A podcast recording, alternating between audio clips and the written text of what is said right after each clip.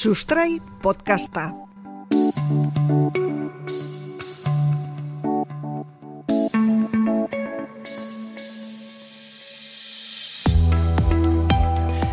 Jan egin behar dugu, argi dago baietz, jan egin behar dugu.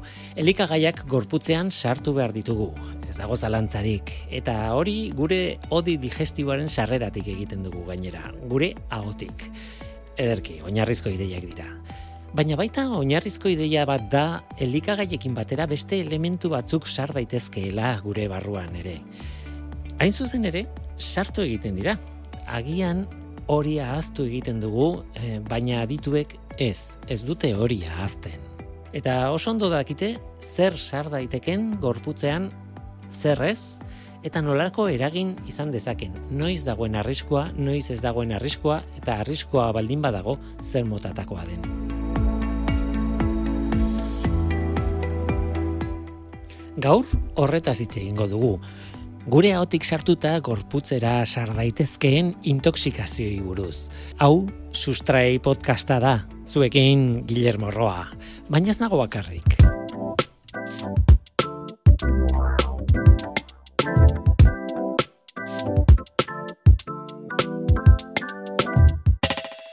Beti komeni da aditu batekin hitz egitea, perspektiba duen norbaitekin hitz egitea eta eremua ezagutzen duen norbaitekin hitz egitea. Gontzal Mugaburu Fernandez, elikako elikagaien segurtasun arloko teknikaria zara. Kaixo, ongi torri. Berri, mi esker. Esan dudanari nolabait buelta emateko, eh, eskatu behar dizut lehen biziko gogoeta simple simple bat, toksizitateari buruz hitz egin behar dugu, baina horrek ez du esan nahi gaur egun ditugun elikagaiak seguruak ez direnik eta galdera da horixe. Elikagaiak oroar seguruak dira, ezta? Bai, hala da. Oroar eta hemen daukagun elikagai segurtasun maila ezin hobea da e, ditugun albideekin eta baita e, jakindureekin, ezta? Gu azken finean egunero egunero aldatzen ari da e, jaki buruz dakiguna, patogenoi e, buruz dakiguna, eta guzti hori ba, ikertu eta aztertu behar dugu. Gurean, ba, bermatuta daukagu, zenbait tresnekin, bermatuta daukagu elikagaien segurtasun hori. Ez da, lehen da bizi daukagu araudi zehatz bat, ez da, araudi zehatz bat eta zorrotz bat, eta hori bermatzen du, ba, bueno, gure elikagai segurtasun maiori. Beste aldetik daukagu ekoizpen praktika egoki batzuk, ez da, industria guztiak, segi egin behar dituzten ba, praktika egoki horiek. Eta beste alditik daukagu kontrol ofizial bat. Eta, eta kontrol ofizial bat ba, ba, bermatzen du inork ez dadila ba, esparru bere esparrutik ateratzen edo e, inongo arriskurik sortarazten.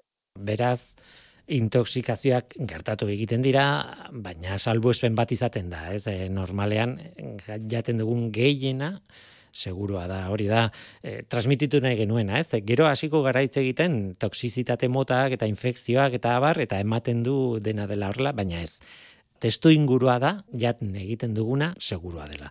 Hortik aurrera, ja, hasi gaitezke, toksizitate mota askorekin, ez? Badago, e, batetik, e, toksizitate kimikoa deitzen dugun hori, e, sustantzia batzuk edo mm, atomo batzuk sortzen dutena, eta biologikoak, ez? Nolabait, virusak, bakterioak eta onjoak eta horrelakoek sortzen dutena, ez? Bi mundu oso ezberdin dira, ez?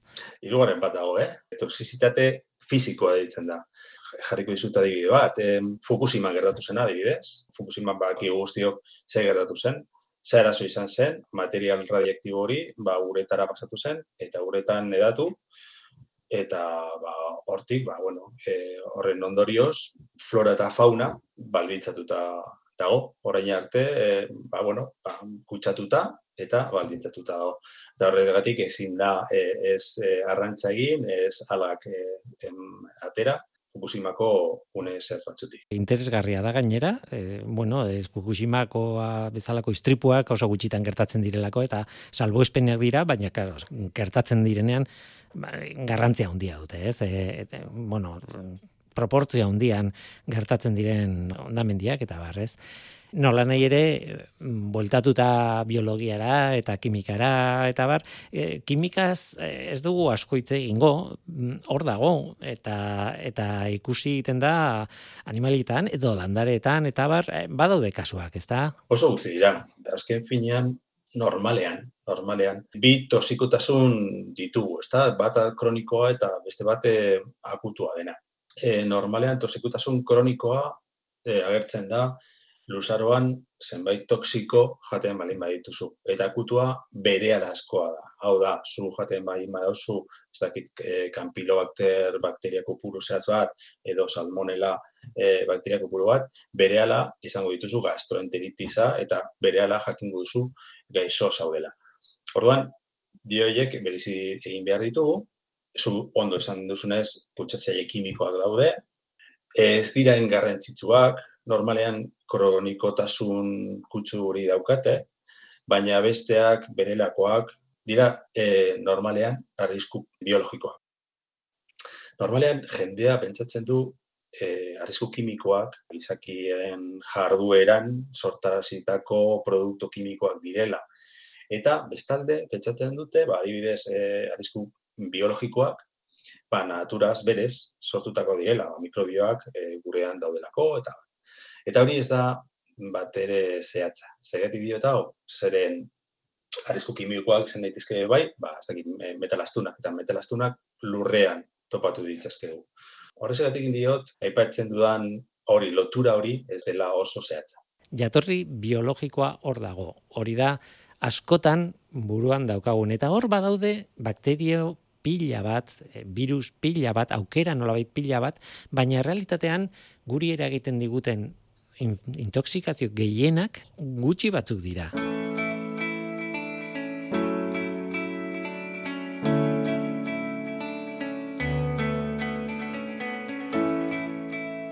Elikagaiekin etor litezkeen intoxikazio asko jatorri biologikoa dute. Bakterioak, onjoak, virusak. Berez zerrenda luzea da. Hala eta guztiz ere datuei begiratuta lau bakterio dira kasu gehien biltzen dituztenak. Campylobacter, Salmonella, Listeria eta E. coli bakterioa. Lau horiek eragiten dituzte kasu gehien alde handiarekin gainera, eta lau horietan intoxikaziorik oikoena Campylobacterrena da.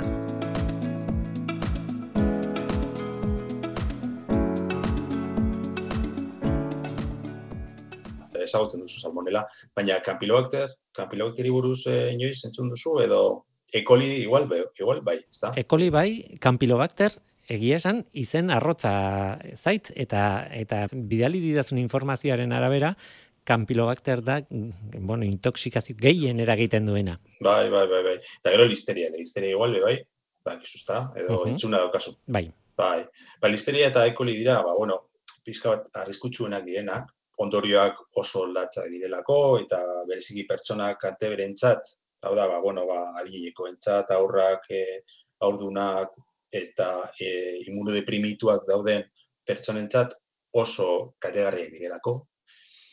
Baina, zuk esan duzunez, e, kampilobakter da nagusien. Kampilobakter da, ba, bueno, normalean e, gastroenteritis bat e, sortatzen da edo agertzen da, eta normalean esaten da kampilobakter e, eragilea bai? Ez dauka eragin handirik, pertsona osasuntsu batentzat ez dauka eragin handirik. Baina, aipatutako pertsona talde horretan sartuta balin bazaude, immunodeprimitutakoa, adibidez, ba, bueno, botikak hartzen balin baituzu, edo ebakuntza bat eh, egin berri duzun edo pairatu balin badezu.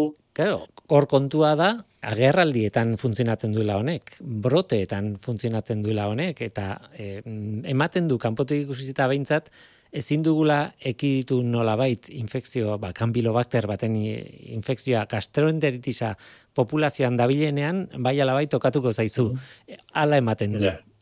Hori egia da, ezin dugu ba, ezer egin, edo badago modua hori nolabait bai, bai. Eh, ekiditeko. Pentsazazu, adibidez, arrisku kimikoak, ezin ditugula ekidit, eh, ezin ditugu ezer ez egin. E, jaki batean, e, metal astuna balin badaukazu, ezin duzu atera, hortik atera. Baina, e, arrisku mikrobiologikoen kasuan, zenbait e, aholku segitzen edo aholku bat betetzen, ekibin dezakegu, ba, hoiek pairatzea. Hau dira, ez dakit, esate baterako, garbitasuna. Baki guztio, garbita, garbitasuna, e, printzipioz, dela lehenengo, lehenengo e, egin behar duguna. Ezta? Gure zukaldea garbi izan, eskuak garbi izan, kasu berzi badau, ni beti esaten dut, eta nire e, zemei beti gogorazten diot, e, mobilaren, mugikorraren erabilera. Zergatik izaten dut, ba, askotan topatu ditu delako, ba, mugikorrarekin e, komuneak. Hortik ateratzen baldin bazara, eta e, eramaten baldin baduzu zu kaldera, vale? azken finean zu ez duzu mobila garbitzen, ez da? Eskuak, bai, mugikorra ez.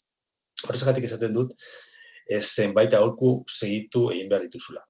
Nik beti nire zemei esaten diedana e, ez erabilik komunean e, mugikorrarik beste aholku simple bat. Erikaiek beti ondo gorde. Beti aipatzen den temperatura kate hori ez moztu. Temperatura katea esan nahi du, bueno, zu edendara joaten balin bazara eta ostutako jakiren bat erosten balin badezu, temperatura hori mantendu behar da. Eta alik eta lasterren gorde behar duzu e, osgailuen. Hotz katea ditzen zaio, ezta? Zeren, temperatura aldatzen baldin bada, jakia daukan e, propitate horiek galtzen ditu. Eta temperaturarekin, temperatura handiekin, nortzuk etortzen dira, ba, bueno, ba, normalean bakteriak etortzen dira. Ezta? Zarrexatik, hain garrantzitsua da, hotz kateori ezagurtzea.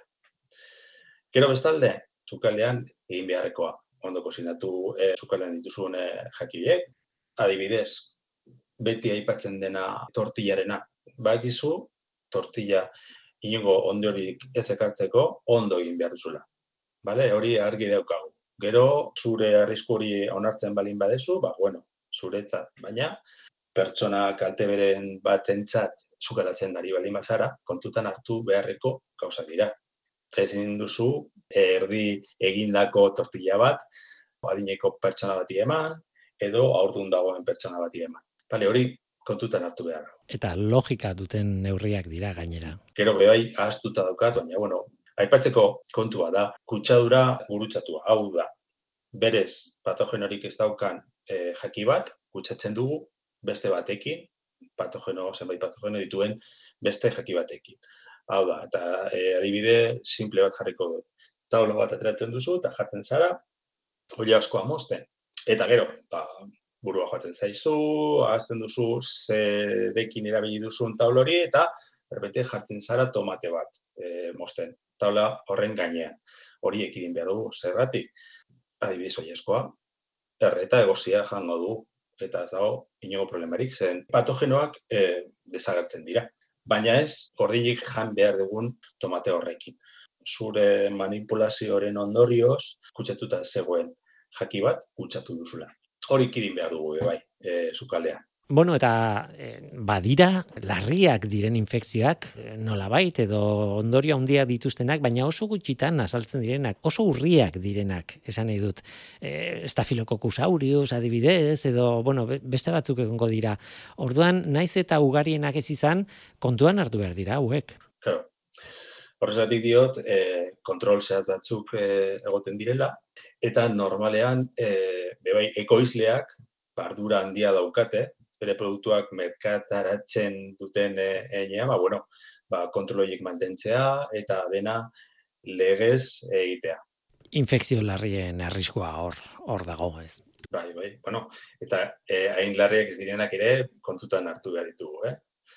Kontua da, e, batzuk eta pertsona batzuen e, arriskua gaizotasun hoiekiko mm, txikiagoa dela, baina beste batzu daude eta zenbait e, adibidez aurdun dauden e, emakumeentzat badaude bi bereziki bi gaizotasun bata da ba, listeriosia eta beste bat da toxoplasma eta horiek garrantzien daukate aurdun aurdun dauden emakumeentzat. Eta bereziki egoera horretan, egoera zehatz horretan oso kaltegarriak dira. Oso ezagunak dira aurdun gelditzen diren entzat, egia esan, ez? Toxoplasmosia da, bai, e, klasiko bat gainera. Bai, zerriki gordinak e, jaten dituzunean, edo zenbait animaliekin kontantuak egoten balin bazara, ba, bueno, ba, e, beti egiten dizute, ez da, e, gaur geratzen zarenean, ba, toxoplasmosiaren e, analizi hori egiten dizute, da positibo edo negatibo zaren, ez da, kontaktu egon, kontaktuan egon bazara, edo ez balin bazara. Hori da. Gustatuko litzaiake berriz ere ekartzea hasieran bota dugun ideia, eta da, e, likagaiak seguruak direla. Eta hori azpimarratu behar da, estatistikoki bada ere, likagaiak gehienak seguruak dira, eta gaur egun elikai sistemak edo mm, bermatzen digu segurtasun minimo bat e, jaten dugun guztian, ez? A ber, azken filan, industriarentzat eta ekoizleentzat eta elikagai eragile guztientzat ardura handia da. E, kaleratzea jakiak eta e, elikaiak e, kaleratzea ardura handia da. Orduan, e, elikai eragileak e, ardura guzti horiek hartzen bali ditu gauzak ondo egiten, bere legibia betetzen, eta bar, ardura guzti horiek hartzen bali ditu, eta gu e, erosten dugun produktu horrekin, edo elikagai horrekin, nahi duguna egiten bali badugu, eta nahi duguna esaten dut, ba, dibidez, emandako holkuiek ez bat baditugu segitzen. Eta azken finean, guk e, erositako elikagai segurtasun maila hori gus apusten baden badegu, ba, bueno, ba, gauzak edo zikin egiten, edo izuz baioa ez ondo erabiltzen, eta ba, ba zertarako hainbeste e, gure uste, ezta?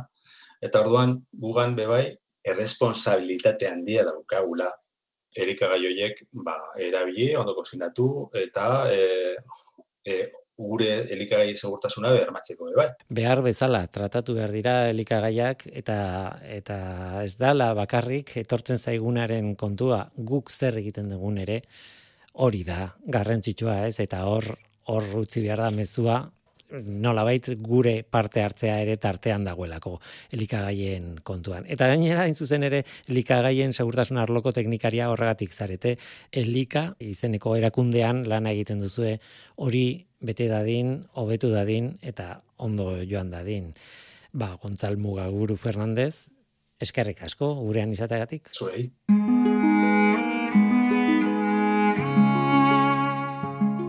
Elikagaiak eta haiekin batera etor litezkeen intoxikazioak. Nola nahi ere errepikatu egingo dugu askotan, errepikatu dugun ideia hori. Elikagaiak oroar seguruak dira. Noizean behin, intoxikazioak bizaten dira eta ezagutu behar dira noski, baina oroar elikagaiak seguruak dira. Tira ba, onaino gaurko atala, urrengo atalean, gehiago sakonduko dugu sustraionen bitartez. Ordur arte ondo izan, agur. Sustrai podcasta elujarrek ekoizten du Eusko Jaularitzako ekonomiaren garapena, jasangarritasuna eta ingurumen sailerako.